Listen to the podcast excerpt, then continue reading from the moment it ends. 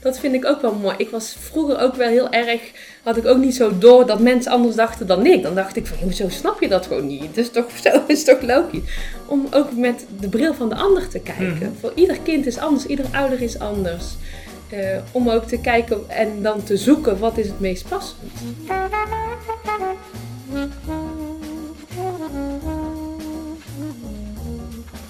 U luistert naar de Therapeut Podcast, een wekelijkse podcast waarin ik, Peter Voortman, openhartige gesprekken voer met therapeuten over hun professie, patiënten en zichzelf. Luister mee naar bijzondere, schrijnende en grappige verhalen uit de behandelkamer.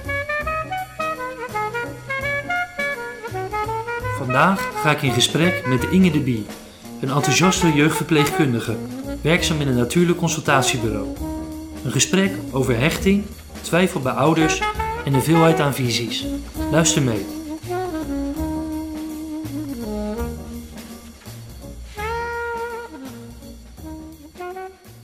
Gaan we uren? Gaan we je, jij? Ja, je? Je? Ja. Oké. Nou, goedemorgen Inge. Ja, goedemorgen. Goedemorgen. Ehm, ja, we zijn hier in een natuurlijk consultatiebureau. Ja. Wat, wat maakt een natuurlijk consultatiebureau anders dan een gewoon? Ja, dat is eigenlijk de meest gestelde vraag die we Ja. krijgen. En ja, om misschien een eerste toelichting te geven, zitten we eigenlijk ook in het gewone consultatiebureau. We Oké. zitten in het consultatiebureau Hooghout. En eigenlijk alle mensen die in Breda Zuidoost wonen, komen hier met hun kindje eh, ook naar het reguliere consultatiebureau. Ehm, alleen eh, in Breda is het zo dat mensen die elders ook in Breda wonen, maar het natuurlijk consultatiebureau meer passend voor hun is, eh, ook hier naar het natuurlijk consultatiebureau eh, kunnen komen. Dus Mhm. ouders kunnen dat zelf aangeven als dat gewoon hun aanspreekt. En dan is iedereen die in Breda woont hier welkom. En eh, we hebben, ja, dat is jammer dat het een podcast is, dat dat eh, nog niet te zien is. Maar omdat we de vraag zo kregen, hebben we een infographic ontwikkeld Ja. om dat verschil ook ehm, ja, eigenlijk eh, aan te geven. Want eigenlijk, ehm, ja, wat we, wat, we doen eigenlijk alles wat het natuurlijk of het regulier consultatiebureau ook doet. Mhm. Alleen veel ouders die zich aanmelden, die zeggen ik wil graag een bredere visie. Of ik wil een bredere kijk. Hè, niet alleen symptoomgericht, maar ook breder. Maar nu wat, om met name macht tot Huber ook eh, steeds meer, hè, komt dat ook in de Mhm. reguliere kijk, zo- hè, positieve gezondheid. Mhm. Dat deden we op het regulier bureau eigenlijk ook, doen we dat ook al steeds meer. Ja, hè? ja. Om breed te kijken van niet alleen naar dat kind, maar hè, het sociale kaart van ouders, omstandigheden. En niet alleen zo, hoe gaat die groeicurve, maar Mhm. hè, als die wat lager is, zijn ouders misschien ook klein. Dus dus het druppelt wel wat meer in elkaar door. eh. Zeker, dat is zeker. En hè, ook, ja, gewoon, en we hebben nu een landelijk, eh, eh, hoe heet het ook alweer, baas, eh, landelijk, eh, landelijk professioneel kader. Mhm. En vroeger hadden we hele standaard schema's van dan moet je komen. En nu kijken we, en zeker corona heeft daar helemaal aan bijgedragen, Ja. om heel erg op maat met ouders te kijken wat past bij jullie en wat hebben jullie nodig. En minder als het kan en meer als het moet.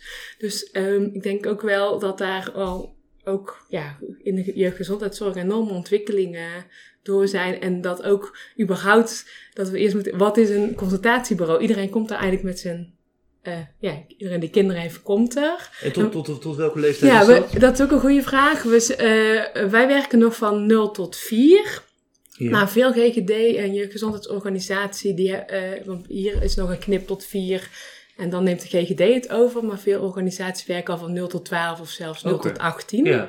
Onze collega's in Zuid-Holland-Zuid, wat ook bij Jong JXZ Had je liever tot, ook tot 0 tot 12? Of vind je dit, is dit... Eh, nou, ik zou het in de toekomst heel graag willen. Omdat Mhm. het eigenlijk nu heel jammer is. En we waren wel bezig om tot vijf in ieder geval te doen. Want die Ja. overgang met de basisschool is natuurlijk wel een belangrijke overgang. En ik merk dat veel natuurlijke ouders het nu echt een, heel spijtig vinden dat we niet door kunnen volgen. Dat ze dan terug naar de reguliere KKD moeten. En dat sluit niet altijd vaak eigenlijk niet aan. Wat is er, is er ook zoiets als een natuurlijke GGD? Nee, dat is er dus nog niet. En eh, ja, dat is dus, ja, ik hoop dat er dat in de toekomst zeker gaat Mhm. komen of dat wij kinderen langer kunnen doorzien. En, um, want ik heb nog geen antwoord gegeven op je vraag, want we waren eigenlijk nog gebleven met, ja, eerst om goed, om duidelijk te want dat is ook leuk. We gaan er eigenlijk van uit, omdat iedereen er met zijn kind komt, dat iedereen weet wat het consultatiebureau doet. Alleen ik denk, daarom vind ik het heel leuk dat ik ook uitgenodigd ben voor deze podcast, dat heel veel mensen eigenlijk ja, toch niet. Hè, hmm. Ze weten, we, we, uh, we, vaccineren, we volgen de groei en ontwikkeling en we verwijzen en we uh, weten hoe je de sociale kaart. Uh, maar dat we zo uh, breed kijken, dat we goed kijken hoe gaat het met ouders. Hè? Dat we ook mhm. kunnen overleggen met andere partijen. Ik zeg ook altijd, als je ons, uh, ja, als het goed gaat, gaat het goed. Maar hè, we kunnen net dat steuntje extra gebruiken. En ja, in hulpverleningsland is het ook allemaal voor ons al heel moeilijk te begrijpen. Hoe moet dat voor ouders zijn? Dus we, kunnen, we zijn echt een gids daarin. En uh, ja, ik denk dat dat toch heel vaak niet bekend is, überhaupt met het consultatiebureau. En wat is dan het verschil met het natuurlijk consultatiebureau? Is dat eigenlijk vier jaar geleden, vier, vijf jaar geleden, merkte ik opeens dat er ouders met wasbare, hè, hadden ik hartstikke leuke gesprekken over wasbare luiers. Toch veel ouders die twijfels hadden of heel stellig waren dat ze niet wilden vaccineren en zich daar heel uitgebreid. Mhm.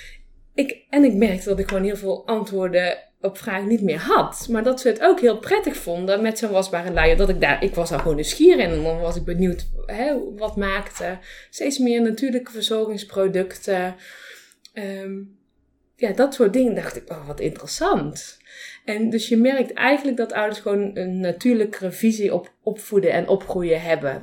Samen slapen. Dat ik echt, hè, wij vonden dat helemaal niet veilig. Van, hè, Met, met onze adviezen, wie nou, hoe kan je dat nou doen? Dat, ja, dat ik dan in gesprek merkte van ouders van, ja, maar hè, ik wil lang borstvoeding geven en dat gaat gewoon veel makkelijker. En ik let echt op die wollen deken en ja, ik heb een bedhekje en we hebben een groot bed en we doen dit verantwoord, op zo'n verantwoorde mhm. mogelijke manier. En we zijn op de hoogte van de risico's. En toen merkte ik aan ouders dat ze zeiden: Ja, maar dit is eigenlijk wat we willen. We willen graag, hè, want wij hebben ook onze twijfels en onzekerheden. We willen zo graag met iemand in gesprek ja, die hier wat open meer in staat. Dus zo is het eigenlijk toen, ja, is er een heel proces afgelegd en uiteindelijk uh, is het gekomen met wat er nu is. En de meeste ouders die zeggen ik wil met name een holistische visie. Dus hè, die bredere kijk, maar meer ook op hè, wat breder dan alleen het voedingscentrum. Hè. Ook veel ouders die biologische voeding willen geven, daar meer informatie over willen.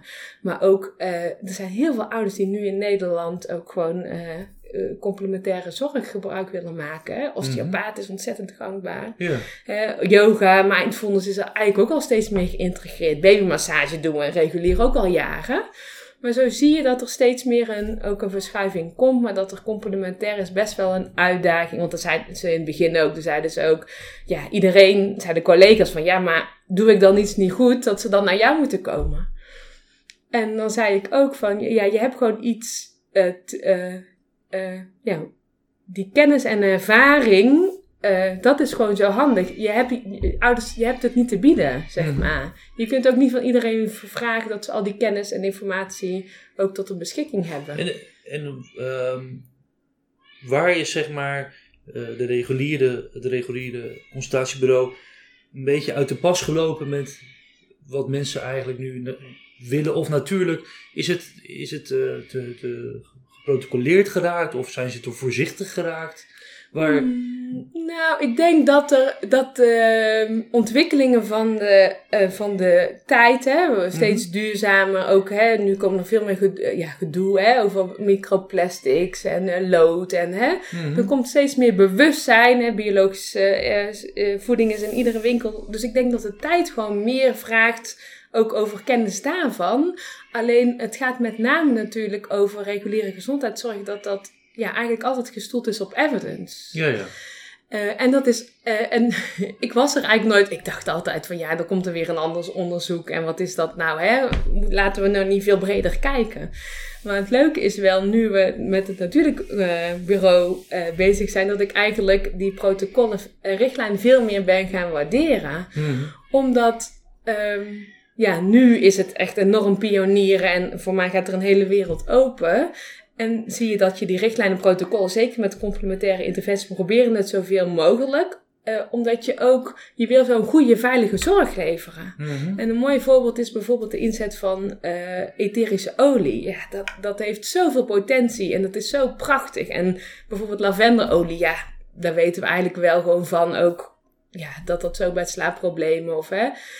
Alleen, ja, er, ik heb heel echt gezocht, maar er zijn gewoon geen onderzoek, ook bij LAREP. Er is zo weinig bekend over ja, wat dat doet bij kinderen en wat de veiligheid daarbij is. En de een zegt al, je mag het niet eh, doen tot vijf jaar. En de ander zegt, het kan bij de geboorte. Mhm. En er zijn wel twintig verschillende meningen over. En dan kan, kijk, als moeder kan ik alles doen wat ik daarin zelf voel voor mijn Mhm. kind. Maar als verpleegkundige kan ik niet zeggen, hé, dit kan je doen. Dat, ja, heb ik toch een andere verantwoordelijkheid in. En die regel, eh, ja, ik denk dat, die, dat het goed is om die eenduidigheid Mhm. zoveel mogelijk te zoeken. En waar haal je dan eh, voor het natuurlijke gedeelte wel de, het vertrouwen vandaan om daar uitspraken over te doen? Eh, nou, dat we proberen zoveel mogelijk uitspraken te doen waar dus wel de evidence is en waar het in ieder geval practice-based is. Dus ik, ja, ik ben ontzettend dankbaar dat ik uiteindelijk dus met mijn zoektocht bij het Antroposofisch Consultatiebureau in Eindhoven bij Ingrid en ook eh, bij uh, Rineke Boerwinkel, de voorzitter van de Antroposofische Mhm. artsen. Ja, die hebben me ontzettend geïnspireerd en ook geholpen dat ik merkte, hun doen dat daar al 30 jaar. Hè, wat de behoefte hier van ouders was. Ook over die vaccinatiegesprekken en zo. Doen dat al 30 Mhm. jaar. En dat is ook een, hè, we hebben een wat andere achtergrond. Maar dat is ook een holistische manier van kijken. Ehm, dus bijvoorbeeld nu met de olie hebben we gezegd, dan gaan we alleen eh, ja, wikkels en compressen doen hè, met eh, eh, onder andere blauwe huisolie, omdat dat eh, geen, e- niet etherisch is, maar gewoon de bloemetjes al in de olie zijn geweekt. Omdat daar al 30 jaar gewoon goede ervaringen zijn op het antroposofisch bureau. ja.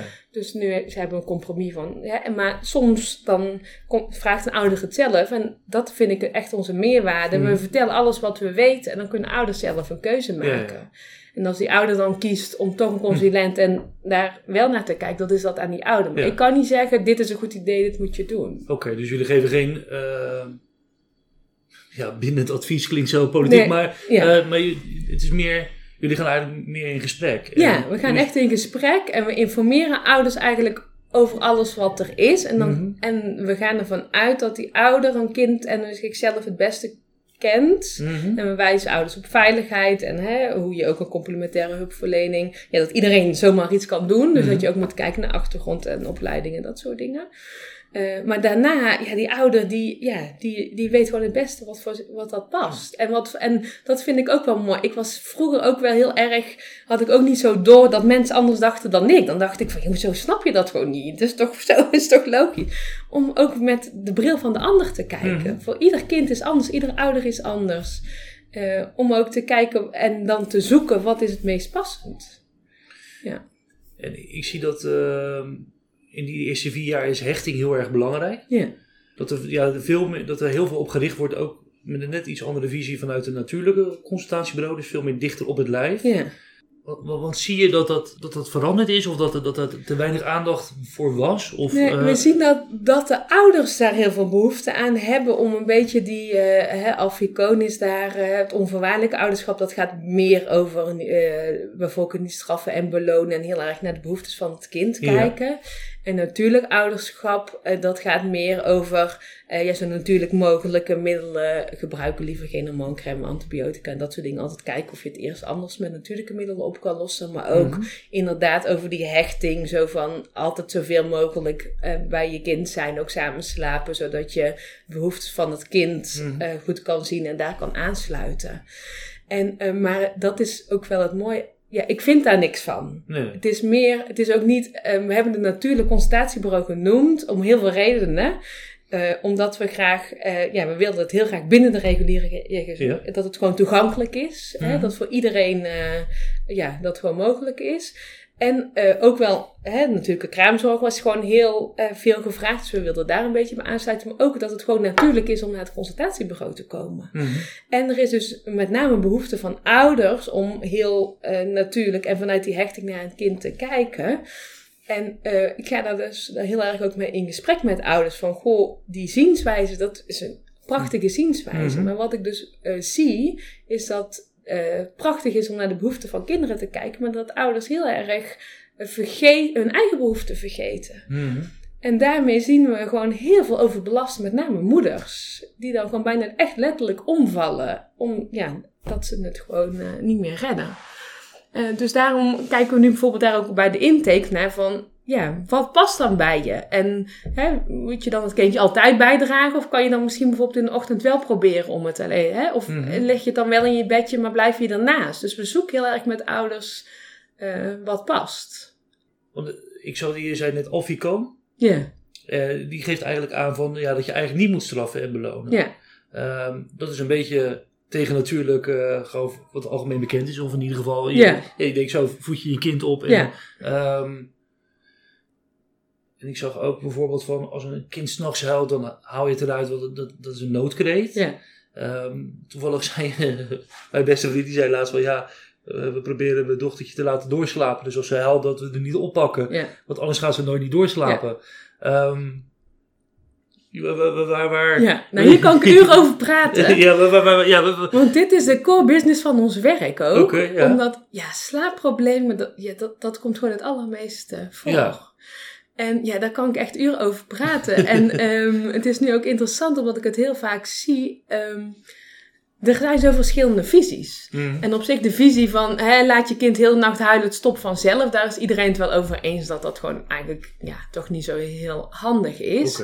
Alleen er zijn heel veel verschillende meningen. En wat ik dus doe, ik vertel gewoon al die meningen aan, aan Ja. ouders. Hè? Ja. Van, eh, ja, Ria Blom heeft een prachtig boekje geschreven hè, van eh, ritme en eh, regelmaat. is ook onderzoek naar gedaan in het Wilhelmina Kinderziekenhuis, meen ik. Ja, dat is eigenlijk regulier, eigenlijk een beetje onze bijbel. Mhm. Eh, Dat we geloven dat er voorspelbaarheid en ritme, dat dat ontzettend ja, iedereen goed doet, maar Ja. zeker aan kinderen. Hè? Dat het voorspelbaar is dat als ze op dezelfde plek ja, in bed worden gelegd en wakker worden, dat het belangrijk is om naar die wakkere signalen te kijken. Hè? Dat ze niet al overprikkeld zijn, omdat het dan moeilijker lukt. Ja, er is gewoon heel veel over te zeggen.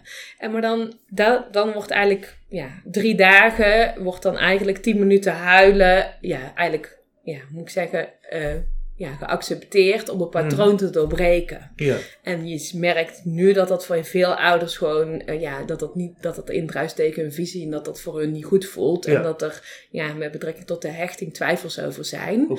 Maar het gaat met name over dat je elke keer terugkomt en laat zien dat je er bent voor je kind. En dat is denk ik het allerbelangrijkste, en dat je daar voorspelbaar in bent.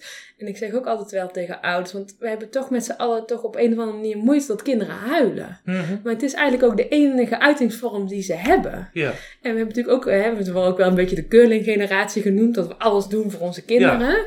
En in hoeverre leren kinderen dan, want ik zeg ook, de wereld is gewoon helemaal niet leuk af en toe. Nee, en, Ja. dat, en dat, ik vraag waar, waar, waar, waar zit dan de balans van... eh, dat is, dat is ja. de core business van ouderschap. Om Oh. daar dus een balans in te zoeken. Ja. Daar gaat alles om. Ja, Van hoe zorg je er nu voor ja, dat je wel hè, die goede hechting krijgt met je, met je kind en de behoeftes Mhm. van je kind volgt. Mhm. Maar hoe zorg je ook voor je eigen behoeften? ja, Want als jij heel de dag met je kindje rond moet lopen omdat hij anders niet kan slapen. ja.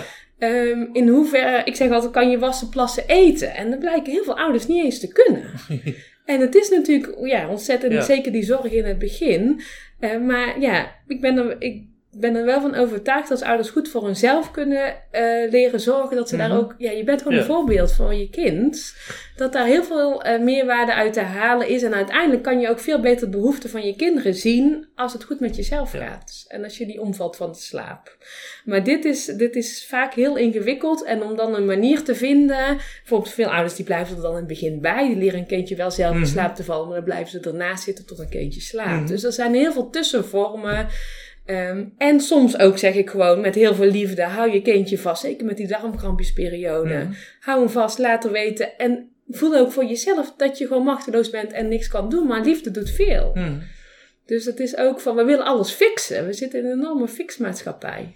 En komen jullie eigenlijk pas na de geboorte kijken of ook al tijdens de zwangerschap? Daar zijn we wel steeds meer mee bezig. eh, dat die zwangeren, hè, die eerste duizend dagen zo ontzettend belangrijk Ja. zijn. Dus als er bijzondere uitdagingen zijn, dan is er al wel alles ook, ook steeds meer aandacht voor zwangeren. We zitten, hebben nu natuurlijk ook de maternale kinkhoestvaccinatie. Die geven wij hier ook op het consultatiebureau. Dus zo komen we ook al meer in contact met zwangeren. Mhm. Dus dat wordt zeker nog uitgebreid. Nu eh, krijgen we tussen, ja, meestal is het eerste contact zo tussen 10 dagen en 2 weken. Mhm. Nemen we contact op voor een eh intakegesprek.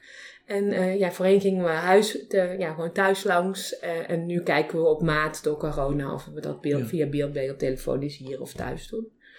En, eh, ja, en dan eh, maken we een dossier aan voor de jeugdgezondheidszorg. En eh, gaan we ook in gesprek over wat ouders van ons kunnen verwachten. En kijken we naar uh, zwangerschapbevalling en ja, hoe het nu gaat. Welke ontwikkelingsproblematiek zie je zo al bij kinderen die niet goed gehecht zijn? Ja, dat is altijd een interessante vraag. Ja, ik, vond, ik had jouw podcast ook met Edmund Schorel uh, teruggehoord. Dat hij zei van, ja, hecht, kinderen moeten eerst leren aan zichzelf te hechten. Dat vond ik echt een hele mooie ook. Ja, wat, wat zie je? Ik zie toch ook wel dat het vaak ook wel goed gaat. Um, maar wat zie je? Dat is een goede vraag. Wat zie je?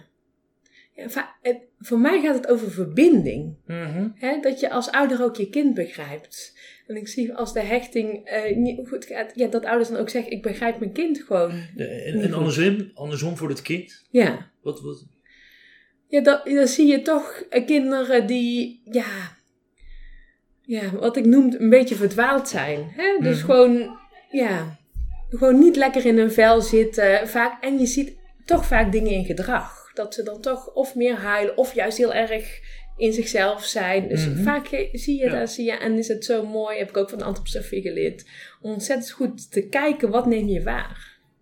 En eh, want dat zeggen ouders ook soms wel eens, oh jeetje, ik begrijp het ook gewoon niet. En dan gaan we ook met elkaar kijken. Ik had laatst een prachtig voorbeeld van ouders.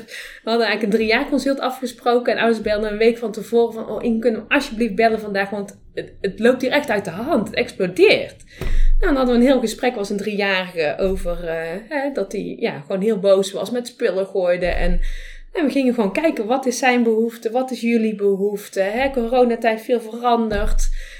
Nou, en we hadden daar een inzichtgevend gesprek over. Toen zei ik, nou, ga aan de slag en laten we volgende week kijken. En ik belde een week later en ze zeiden, ja, we, hebben, we snappen het, het is opgelost. Ik zei, opgelost in een week? Nou, dan maak ik toch zelden mee. Wat heb je gedaan? En toen zeiden de ouders letterlijk van ja, we hebben eens goed naar zijn behoeften gekeken. En we denken dat hij gewoon gerichter even aandacht voor onszelf nodig had. Dus we zijn het nu gewoon, we hebben ontdekt dat we gedrag kunnen voor zijn door vaker te knuffelen. Ja, dan denk ik, dat is toch prachtig? Heel vaak niet zo eenvoudig hoor. Um, maar dat vind ik heel mooi. Dat je, ja, we hebben prachtig werk dat je met zo ja, simpele uh, gesprekken gewoon eigenlijk. We doen ook heel veel aan ontzorgen en normaal. Ja, wat is normaal? Dat vind ik ook wel, wel lastig. Mm en, maar ook gewoon normaliseren. Ja, van gewoon weet op deze leeftijd. Ja, zijn veel kinderen zo. Hoort erbij. Ja, het hoort erbij. En dat betekent ook niet, hè, als, als een kind gewoon een driftbaar heeft, dat hij meteen. Dat, hè, veel, ik merk dat er eerder te veel, hè, ook qua hechting, heel veel ouders zijn dus ook bang van als ik mijn kindje laat huilen, dat is niet goed voor de mhm. hechting. Mm maar ja, ik moet ook altijd denken aan mijn man, die komt uit Ghana. En die zegt altijd, jullie denken altijd alles te kunnen controleren. En, en dat zei hij ook met onze eigen dochter. Ze is nu 3,5. Dan zei hij ook, ja, stop met boeken lezen. Kijk en voel wat goed is. Mhm. En kijk in het moment. En ik denk dat, ja, dat moet ik al, dat zeg ik ook vaak tegen ouders. Dat dat eigenlijk gewoon het belangrijkste is. Want we zijn ook heel veel bang met z'n allen. Bang voor hechting, bang voor... En wat als je de signalen niet goed kan begrijpen? Misschien omdat een kind een bepaalde beperking heeft. Ja. Um, hoe, hoe, ga je ermee om of zijn kinderen zo uh, universeel daarin dat, dat, dat, dat het eerste gedragingen wel ja, herkennen zijn? Dat is eigenlijk wel dat ook veel, en dat is natuurlijk wel ons, in, ook bij babytjes en zo, maar mm het meeste begin, is non-verbaal. Ja.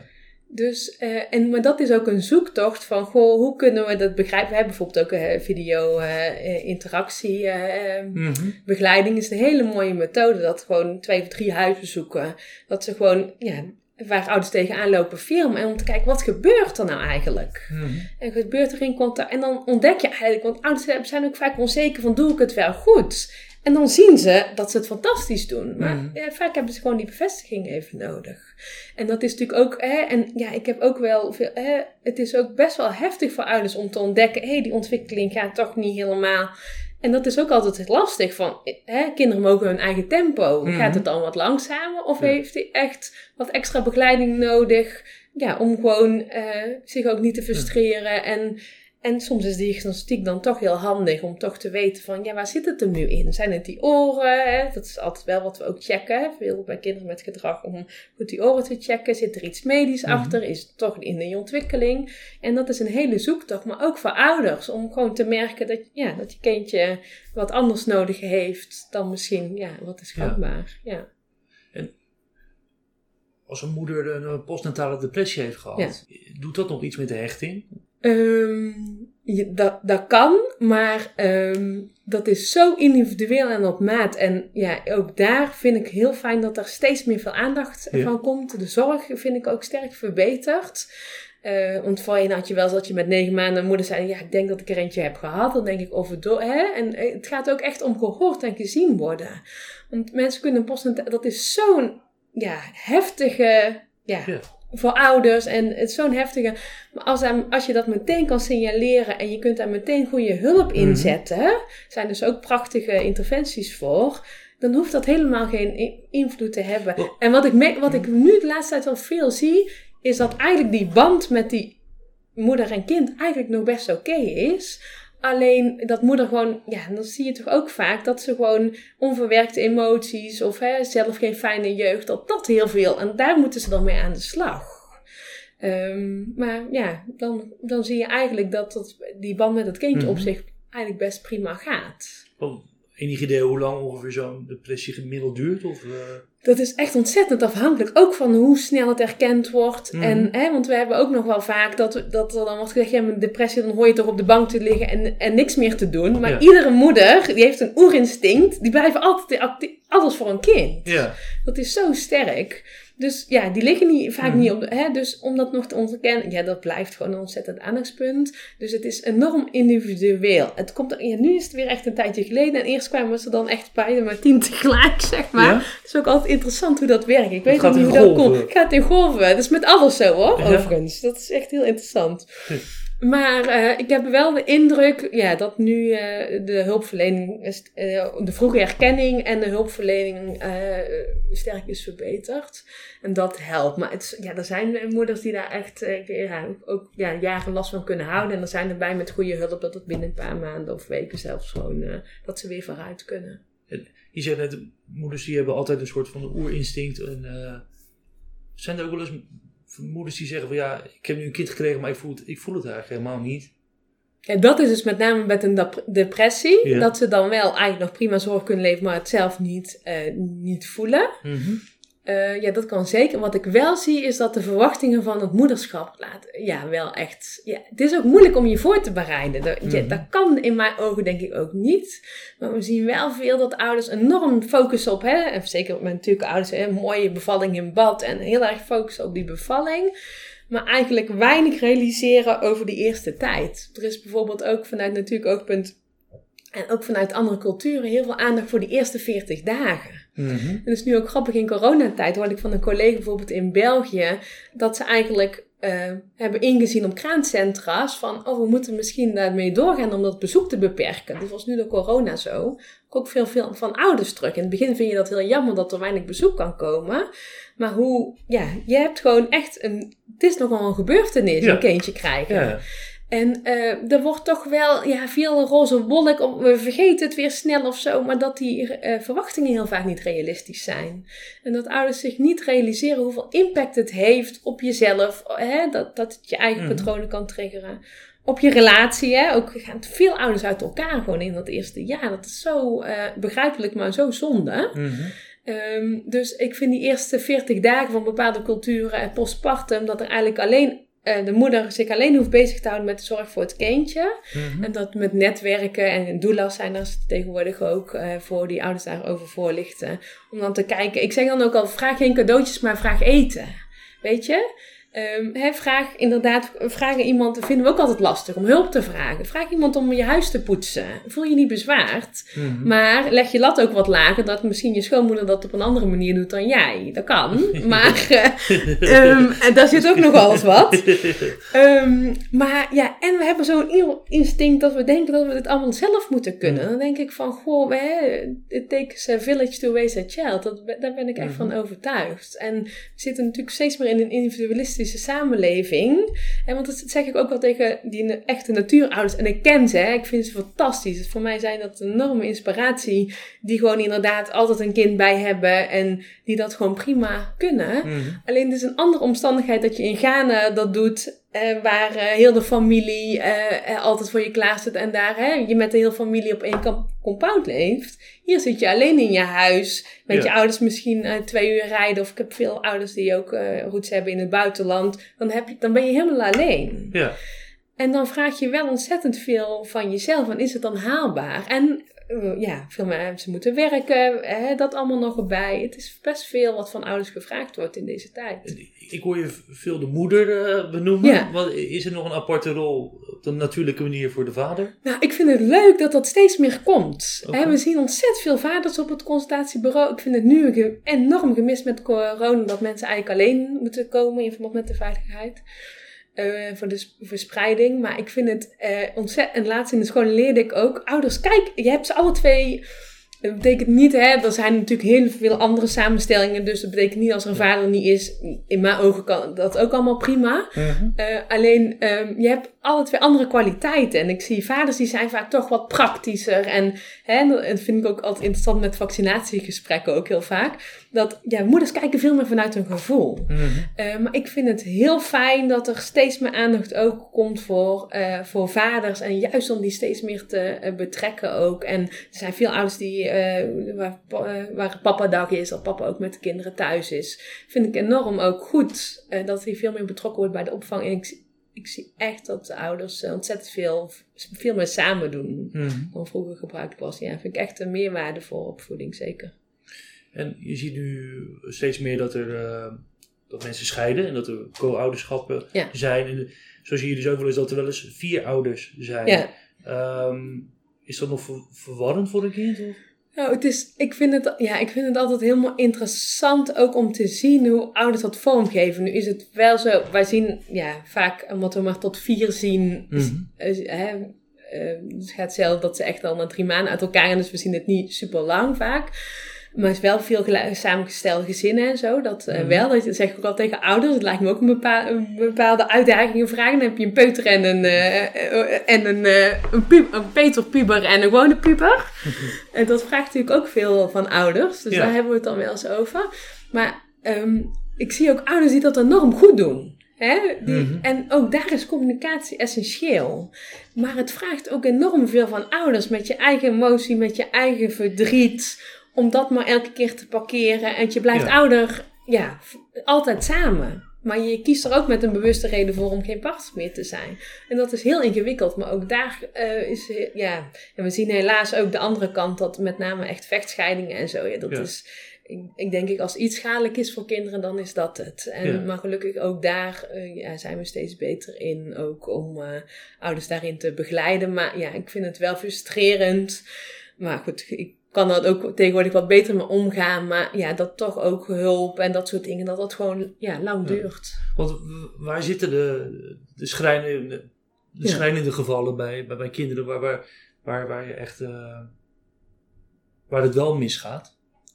Ja, dus hè, huiselijk geweld komt gewoon nog veel meer voor dan we denken. Hè? Ja. Dat is echt gewoon, eh, ja. Ook en- al in de leeftijd van 0 tot 4? Ja, niet, niet vaak, maar Mhm. eh, ja, dat, dat komt gewoon eh, wel vo- voor. En ehm, vaak is het ook gewoon, ook, ja, dat ouders elkaar niet goed begrijpen. En is het gewoon uiting van, en is het echt onmacht. Die vader Ja. heeft net zo hard hulp nodig dan de moeder en de kinderen. Mhm. En veiligheid staat gewoon echt voorheen. Maar ik ik heb nu inderdaad een gezin en ik vind het ook wel gewoon schrijnend dat ja, die hulpverlening toch laat wordt opgesteld. En ik snap het, we moeten de jeugdgezondheidszorg betaalbaar houden. Maar ja, ik heb een vader die nu al meer dan twee maanden zijn kinderen niet heeft kunnen zien. En Ja. veiligheid gaat voorop. En hè, er, er zijn ook allemaal omstandigheden. En, hè, maar Mhm. ja, dat vind ik wel. eh, er zijn gelukkig goede instanties die nu die begeleiding kunnen doen. Maar dan duurt het toch vaak lang. En dat zijn gewoon hele ingewikkelde situaties. Want, de hechting met de, met de moeder is lijkt mij het belangrijkste. Ja. Maar als je kijkt naar de hechting met de Ja, vader. vind ik zeker ook. Ja. Ik vind dat ook eens. En, eh, en dat natuurlijk, ouders kunnen zoveel mop met elkaar Mhm. hebben. Wij zijn ook altijd, als, we gaan er altijd vanuit dat ze met elkaar kunnen blijven communiceren en dat onze informatie. Maar als dat niet kan, is dat gewoon een rol voor ons. Om dan ook. Ja, eh, daar grijpen jullie ook in? Of dat, eh, Nee, nee, jullie- zeker als ouders gezag hebben, dan is het ook onze taak om gewoon ouders te blijven, die andere ouders te blijven informeren over de ontwikkeling van de kinderen. Oké, ja, ja. En ook te kijken, ja, we zijn er gewoon voor beide ouders. Dat is zeker zo.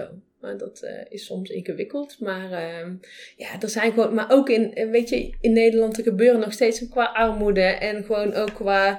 eh, Ik heb een paar keer meegemaakt al in mijn elfjarige carrière hoor. Niet per se voor het natuurbureau. Maar dat er echt ouders met kinderen op straat dreigden te komen. Ja, ja. En dat er gewoon, huisvesting is gewoon een groot probleem. Niemand kan toveren. Mhm. Maar het is wel echt enorm. Als je het dan echt hebt over zorgelijke situaties. Mhm. Ja, dat is gewoon echt, ja, dat zijn, ja, dat zijn heftige dingen. En soms denk ik ook wel eens, wat, wat kunnen ouders op een pad, wat kunnen ze dragen, hè? ja, ja. En je ziet natuurlijk ook wel, ja, eh, kindje- ouders die een kindje verliezen. Ja, dat, Ja. ik heb er ontzettend veel respect als ik zie hoe, hoe ze daarmee omgaan. En dat is niet per se ons, hè, maar vaak als ze in zorg zijn, kunnen we ook nog een stukje nazorg bieden. En als ik zie hoe dat, dat ouders dat doen en soms zelfs meerdere overlijden in de gezin, ja, dan begrijp je echt niet hoe, Hmm. ja, hoe ouders dat, En- ja, hoe je daarmee om kan gaan.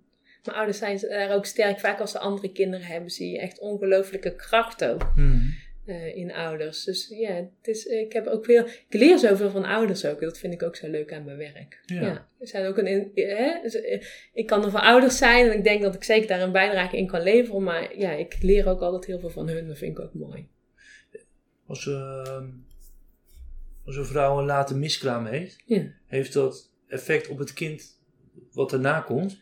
Eh, dat kan, daar vragen we altijd wel na. Van gewoon, in hoeverre is het verwerkt? Is er aandacht voor? Is, ehm, ja, en je ziet ook, ook daar dat de begeleiding daar steeds beter in is. En dat daar Mhm. steeds meer aandacht voor is.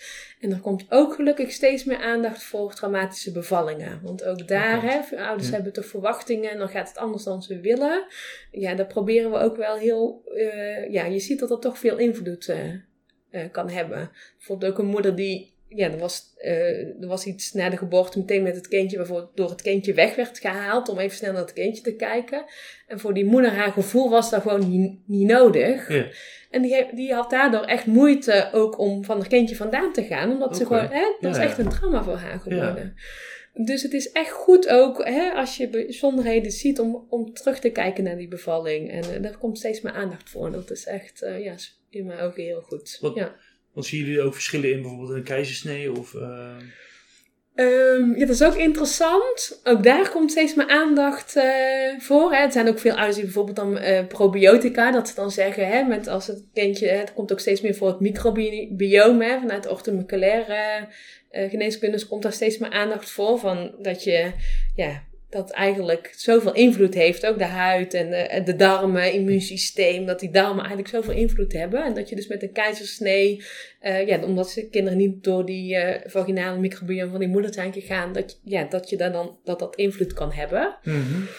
Maar we, weten, we, we- dus, ja, we weten ook gewoon nog heel veel eh, niet, hè. Mhm. En, om, eh, en ja, veel ziekenhuizen vinden het toch nog wel lastig om dan te zeggen: we halen een doekje voor die vagina van die moeder en dat smeren we in het eh, mondje van het kindje. Hè? Want, zou dat wel kunnen? Dat, dat kan dus. dus Zou, wordt, zou je ervoor kiezen? ik, vind het, eh, ja, ik vind het wel inter, ja, ik vind het in, ik vind het interessant. Omdat, en ik, voor, voor mijn eigen zou ik daarvoor kunnen kiezen, maar om dat standaard te, te. Ja, ik vind iedereen moet daar voelen Ja, voor wat maar er zou, is het de keuze op dit moment?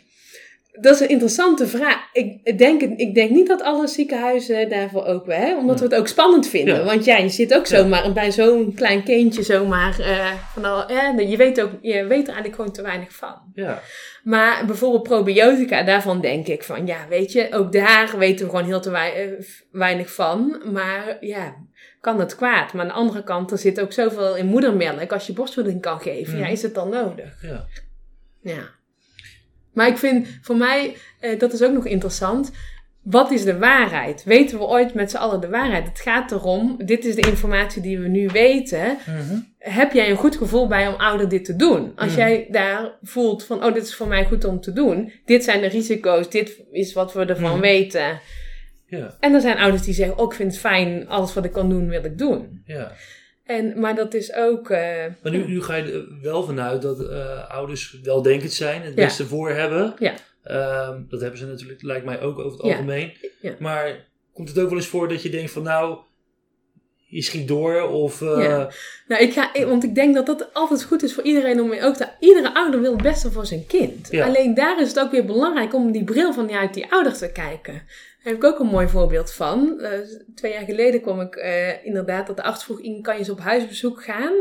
want die moeder werd helemaal gek van die vader, omdat die ging alle uh, ja, shampooflesjes en alles controleren, omdat hij gewoon die schadelijke stoffen Ja. in, in die producten vond hij niet, ja, vond hij effect hebben op de borstvoeding van dat kindje. Hmm. Ik geloof dat het kindje toen zes, zeven maanden was, dan was daar geen speelgoed in huis, omdat die vader ook bang was hè, van, van de invloed en zo. En toen hebben we een heel mooi gesprek gehad. En Mhm. zeker later, hè, al- eh, toen kwam er ook nog eh, hè, lood, microplastics en weet ik het. Je hebt hier een punt. Ik denk dat er heel veel, hè, dat er Mhm. heel veel is wat we nog niet weten. Alleen hoe kunnen we ervoor zorgen dat het leefbaar voor jullie wordt? Want dit sluit door en dit kindje heeft ook nodig om zich te ontwikkelen. Hij heeft een kinderstoel nodig die er nu niet is. Ik zie dat hij alleen hier in zijn bed. Dus je beperkt je nu ook in Ja. dit kind. En daar hebben we dan heel mooie gesprekken over. En die, tot, we kwamen tot de conclusie dat het dan helpend was dat we eigenlijk met onze voorlichting elke keer een consult voorliepen. Hè, dat we dan inf- ouders informeerden wat een kindje eh, nodig had in de volgende fase. En dan had die vader de tijd om uit te zoeken, eh, om iets te kiezen wat wel bij hem past. Mhm.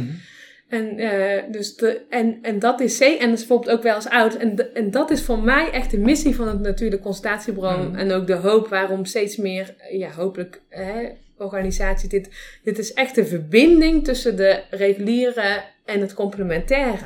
Mhm. We pretenderen soms regulier alles te weten. En we hebben echt die antibiotica. En we hebben het gewoon echt nodig soms. Mhm. Maar je ziet eigenlijk twee kanten van de natuurlijke ouders die zeggen: Ik wil echt geen antibiotica en echt geen hormoonzalf.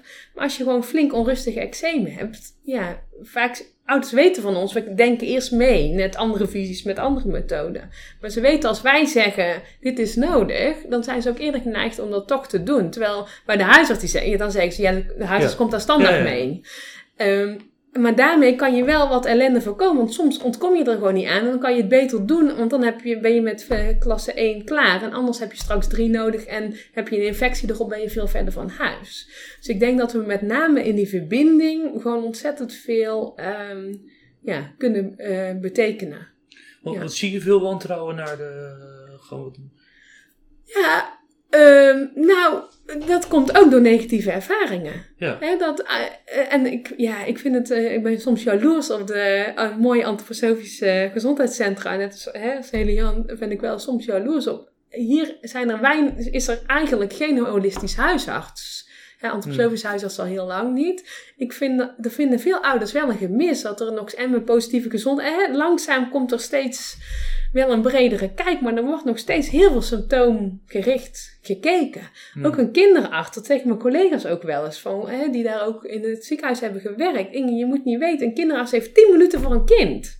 Hoe kun je nu in 10 minuten, weet Ja. je? Ik kan op huisbezoek, ik kan nog een keer bellen, ik kan, eh, weet je. eh, hè, en ik heb gewoon heel veel kinderen waarmee het goed gaat. Dus dat kan dan wat snel. En ik kan, hè, die hoef ik dan minder te zien. Hè. Ik, heb, ik heb gewoon uitgebreide tijd. Maar die kinderarts heeft maar, heeft maar 10 minuten. Ja. Hoe kan je dan... kan je, wat doe je nou in 10 minuten? Ja. Dan moet je echt... eh, dus, eh, dus ik denk dat dat... Dus ik merk ook dat we daar een verbinding hebben. Want ouders zeggen dan wel eens... En die kinderen... En dan kan ik dus dit verhaal uitleggen. En ook zeggen... Wat zijn je verwachtingen? En ook daar... eh, en ook ja, soms een vertaling ook... Van hoe dat ouders denken. Soms ben ik gewoon echt een tolk. Ja. En dan merk ik ook in hulpvragen en zo verwoorden. Hè. We willen graag dat ouders dat allemaal zelf doen. Mhm. Sommige ouders die, ja, die zitten zo in een eigen, zitten zo in een overleefmodus. Ja, soms Mhm. moet je die even helpen. En zie je eh, mensen die zelf gaan googlen. Enorm.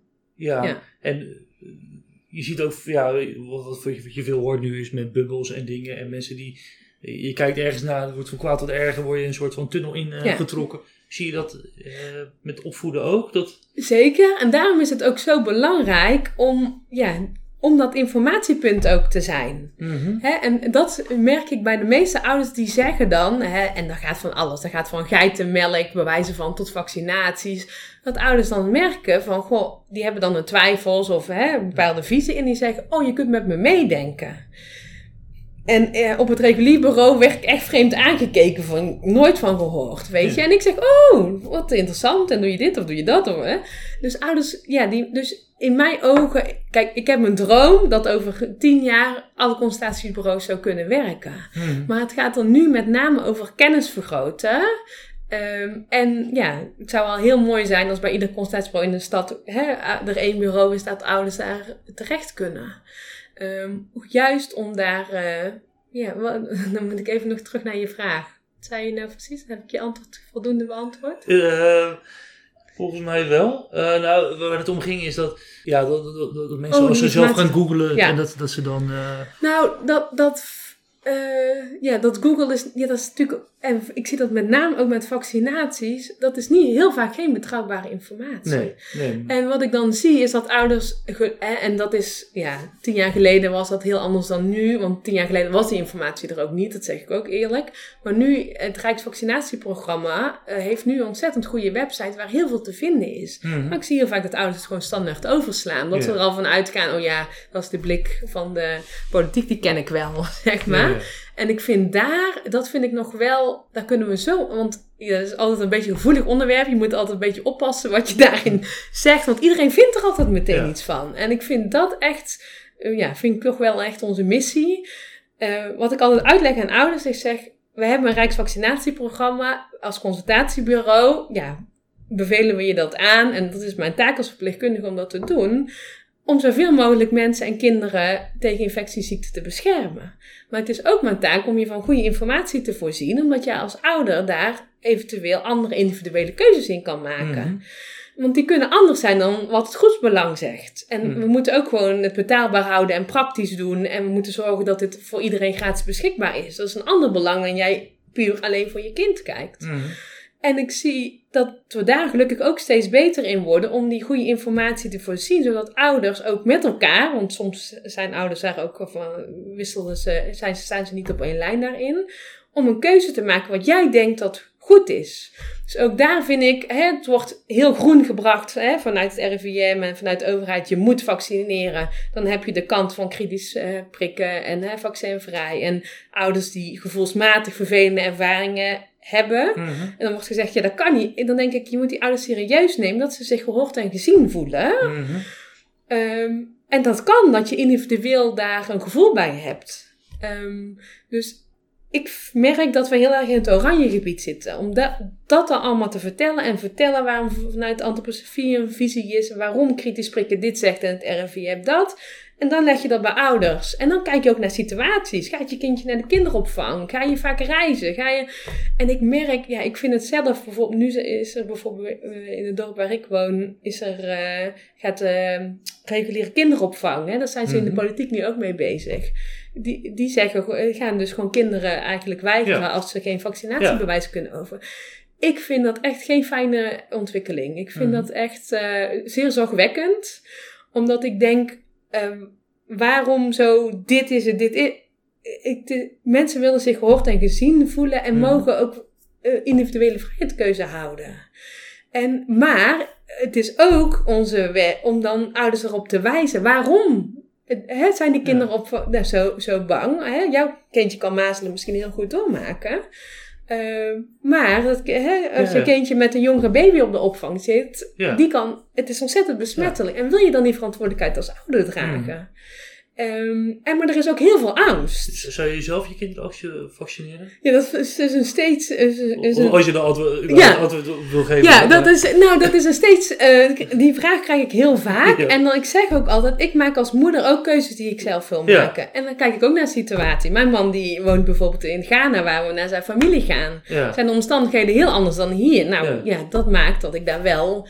Eh, ja, dat ik denk, ja, dat voelt voor mij niet prettig om dat niet te doen. Ja. Maar ik vind het wel goed. Ook ik, ik heb daar kritisch naar gekeken. En ik vind het ook heel goed dat. Hè, maar dat betekent niet dat hoe dat ik dat heb gedaan of doe, dat ieder, de rest van Nederland dat moet doen. Ik vind het, het gaat erom dat iedereen kijkt. eh, wat hij eh, voor zijn situatie en zijn kind het beste vindt. En dat we respect hebben voor elkaar. Dat Ja. daar, en dat is nu Ja. ook met die hele corona. Weet, daar vindt iedereen van alles van. Ja.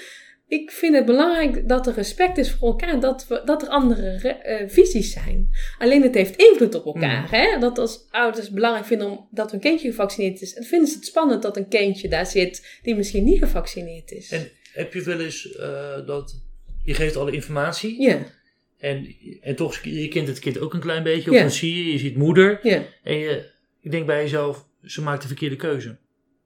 Nou, het is meer de verkeerde keuze. Kijk, ja, vanuit Ja. het Rijksvaccinatieprogramma willen we nee, natuurlijk maar ook graag... gewoon... als, ook, Mm. hè? Ik bedoel, sommige mensen die... We zijn niet allemaal even... even behendig of intelligent? Ja. Of, nou, eh, ik, ik kan wel, heb ik ook een mooi voorbeeld van. Ehm kom ik zo op. Maar wat ik het belangrijkst vind om ze de. Ehm, voorheen zou- had ik dan wel eens het idee, zeker ook over het aanvaarden van hulp en zo. Ja. Dan was ik al tien stappen verder en had ik zoiets van: "Af- ga dat nou doen, dat is goed voor je. Alleen ouders, soms moeten we even in het donker zitten om ook het licht weer te zien. Soms Ja. moeten ouders, het is ook een proces. Dus ik heb heel erg geleerd om wel te benoemen wat mijn zorg is, maar het ook bij ouders te laten. ja. Want ik deed altijd al, dat zei mijn, zei mijn collega ook altijd, dus ondertussen met pensioen, maar die zei altijd, ik ga met de rivier mee, weet je. Het gaat niet sneller, als je gras aan gaat trekken, het gaat niet sneller. Ouders hebben een proces, dus het is ook heel vaak je eigen perceptie dat je denkt dat er al van alles Ja. aan de hand is, terwijl dat niet altijd, meestal is dat niet zo. Dat is een heel Je gaat niet naar huis en dat je denkt van, oh jee, dat gaat, Nou, dat ja. gaat fout. Ik heb ook wel eens dat ik wakker word dat ik denk, oh jeetje, hè, de, de, nou echt fout. Nee, en dan nog, is, ik heb geleerd, het is het proces van ouders. Maar ik- Ja. je probeert wel ouders erop te wijzen, eh, om, eh, zeker met veiligheid en zo, zeker. Ehm, alleen dan nog, ouders mogen ook een proces hebben en ze mogen het ook anders doen dan ik doe. Maar ik had dus nu ook afgelopen week een voorbeeld, dat ik een vader belde en die hadden een specifieke visie eh, voor een school. En dan hadden ze niet door dat dat een grote wachtlijst had. Ja. Dus dat kindje die is nu 4,5 en die kan pas eh, met 5 naar school. Ja. Nou, dan gaat bij mij alle. Want ik vind een kind met twee moet naar de peuterspeelzaal dat is goed voor de ontwikkelingen. Daar vind ik van alles van. Maar die ouders hadden daar ontzettend goed over. En die zei, ja, dat is ook niet handig. Mijn tweede heb ik al meteen aangemeld. Maar ja, we hebben echt overwogen. Moeten we dan tijdelijk een andere school en zo doen? Maar we denken dat dat gewoon onrustig is. Ja. We kunnen het er heel goed bieden. En eh, ja, wij denken, en toen zei ik ook van, ja, dit is ook mijn referentiekader. Want ik heb het gewoon nooit meegemaakt. En je verrast me ermee, weet je? Nou, en toen hadden we een hartstikke mooi gesprek. Dat ik zei, misschien kun je eens naar een sportclubje. Of, hè, want de ver- ver- verandering is best groot. En, en die vader die zei, oh Inge, hartstikke fijn dat je met me meedenkt. En ja, dat is een goed punt. En ik ga ze naar oriënteren. En als we iets vinden wat bij ons past, gaan we dat zeker doen. En dan, dus dat is ook heel mooi. Van, ja, Mhm. dan denk ik, eh, ja, ik zou, eh, ik heb een, een driejarige die staat te springen om naar school te gaan. Ik kan me niet voorstellen dat ik dat tot vijf jaar thuis Ja. heb, weet je. Eh, maar dat betekent dus, ja, en soms denk ik wel eens van, goh, ja, ik vind het niet handig, maar dan moeten ouders dat toch zelf aan kiezen. En dat zeggen, ouders, zeggen collega's ook wel eens. Heb je dan ook, hè, en dat, is ook fijn, hè, we hebben een fijn team. Ik heb een ontzettend fijne arts die eh, ook ontzettend veel weet. Want hè, dat, en dat ja, vergeten ook veel mensen dat wat we doen met het natuurlijk bureau is echt uniek. Hè? Dat, dat, dat vanuit de organisatie, vanuit de stafverpleegkundige, vanuit de stafarts gewoon gezien wordt dat het heel belangrijk is en de toekomst is om dit met ouders te doen. En dat ik gewoon een fijne arts en nu ook een verpleegkundige heb, die, dat we dat als team echt kunnen. En daar hebben we het natuurlijk ook met elkaar over. Want onze taak is ook om voor die veiligheid en voor de ontwikkeling van kinderen te staan. Dus eh, je wil niet dat dat stagneert, maar ouders, zeker ook bijvoorbeeld met een ontwikkelingsachterstand, ouders hebben ook een proces. En ja, soms moet je dan Mhm. even meegaan en het even laten vieren om vervolgens weer sneller te kunnen gaan. Eh, ja, dat eh, zo. Nog heel even, je, helemaal aan het begin zei je eh, wasbare luiers. Ja. Is, dat, eh, is, dat, eh, is, dat weer, is dat helemaal in? Of? Ja, dat is heel in. Ja. Ehm, hier is het, ja, een jaar of drie geleden, ik denk drie, vier jaar geleden, hebben ze bijvoorbeeld hier, ik weet niet hoe dat in Rotterdam is, maar hier moet je best ver om je restafval weg te gooien. Mhm. En er zijn van die containers en, met afvalscheiding. Ehm, en je hebt wel plaatsen waar nu aparte lui, waar je de luierzak apart. Maar als je bijvoorbeeld, een, eh, ik had een gezin die had een tweeling. Als je dat elke keer ook bij de rest, eh, nou was is misschien met een tweeling dan ook wel weer veel. Maar je ziet dus verschillende om praktische redenen. dat, eh, en vanuit milieuredenen om gewoon ja, afval te besparen. Waar natuurlijk steeds meer aandacht voor komt.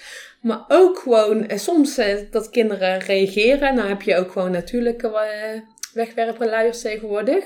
Maar dat ouders denken, oh, al die kapotte billen, dat ze merken dat het met wasbare luiers beter gaat. Vaak ook kostenbesparing, want je Ja. koopt één keer een pakket, maar het scheelt. eh, ja, ik, ja ik, ben, ik heb met mijn dochter ook gedaan. Ik ben een enorme wasbare luier eh, fan. Eh, maar het is vaak ook wel eens een- even een zoektocht. En in het begin denken ouders, wat een gedoe. Maar ja, wassen moet je toch. Eh, en er zijn, en er is ook nog een beetje zo'n oudbollig beeld over wasbare luiers. Ja, over die nou, luiers van vroeger. Ja, ik moet nog steeds, ik heb er nog steeds, ik moet er steeds nog wat meenemen om ook eens aan ouders te kunnen laten zien. En er zijn hartstikke hippe printjes en je hebt all-in-one systemen die je hup zo meteen aandoet. En dat is ook leuk, want vaak zijn vaders niet zo enthousiast in het begin ook. Mhm. Niet altijd hoor, maar die denken dan, jeetje, wat een gedoe. En dan zijn er actieve moeders en die gaan het dan doen. En die vaders gaan er wel mee. En die worden dan uiteindelijk ook nog enthousiast. Dat is ook wel leuk. Niet allemaal, ik had ook een man die deed mee, maar die zat ook zoiets van, nou, moet dat nou? Maar eh, nee, dus d- dat is wel, eh, ja, is leuk. Ja. Wil je zelf nog wel kwijt? Nou, ik eh, dank je wel in ieder geval voor de, voor de uitnodiging. En eh, ja, ik, ik denk dan wel, ik moet even denken, is nou alles voldoende... Ja, zijn er dingen die waarvan je zegt van nou dat... Ja. Ik ben altijd zo enthousiast, hè, dus dan gaat het ook allemaal een beetje door elkaar heen. Maar ik, ehm, ja, ik, ik hoop dat het in ieder geval een goed beeld geeft. Ook Ja. eh, voor eh, ouders. En ja, ik denk ook wel dat de boodschap doorklinkt. Dat is misschien nog leuk om te vertellen.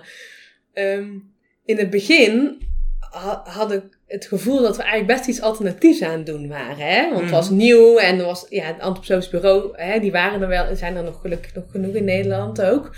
Alleen, ehm, er is nog eh, zo binnen de reguliere GZ, en dat was best wel een ontwikkelingsweg van hoe kunnen we dat nu zo aanbieden dat we ouders eh, kunnen volgen, maar dat het ook gewoon past binnen de reguliere GZ.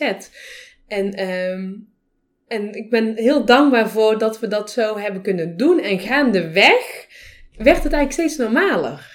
En merk ik ook hè, door de ontwikkelingen hè, van behoeften van ouders, maar ook hè, er is gewoon een complementaire afdeling van de VVN. Hè. Er is een super eh, dik boek, inleiding eh, verpleegkundige complementaire interventies. Eh, het landelijk kader wat we met. Dus uiteindelijk gaan we gewoon mee in onze tijd. Ja, ja. En is het eigenlijk helemaal niet alternatief en is het meer specialistisch? En hoop ik, en ja, ik hoop ook, en dat is ook een beetje mijn, ja, toch ook wel mijn missie. eh, want die antroposofische consultatiebureaus, die hebben zoveel kennis en, hè, en ervaring. En ja, die, die jeugdartsen, die, an- want antroposofie is vier jaar hè, nog voor jeugdartsen. En eh, heel, van veel, je hebt ook nog een jeugdartsenopleiding. Dus die moeten al zo vaak doen, zelf kinderen. Dan is het, die, ja, het is eigenlijk een uitstervend ras, zeg ik altijd. Vind ik zo zonde. Er is zoveel kennis en ervaring. En ik zou zo graag hebben dat ook reguliere gezondheidsorganisaties, gelukkig in sommige plaatsen gebeurt dat al, ook steeds meer de verbinding met, je kunt zoveel van elkaar leren. Mhm. Ehm, dus dat is wel eigenlijk ook mijn boodschap om, ja, voor iedereen om gewoon ook met die gekleurde bril van een ander te kijken. En ik ben altijd enorm van de verbinding. Om echt van elkaar te leren en dat je ook, ja, iedereen kijkt vanuit zijn eigen expertise. Daarom vind ik dus die eh samenwerking therapeutica zo prachtig. Dat je zoveel van elkaar kan leren. Dus eh, misschien is dat nog een leuke toevoeging. Oké, super.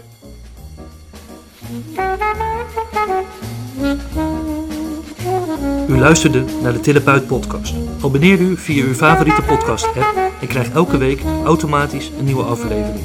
We horen graag uw mening. Vragen, opmerkingen of suggesties kunt u sturen naar info@detherapeutpodcast.nl of laat een review achter via uw podcast app.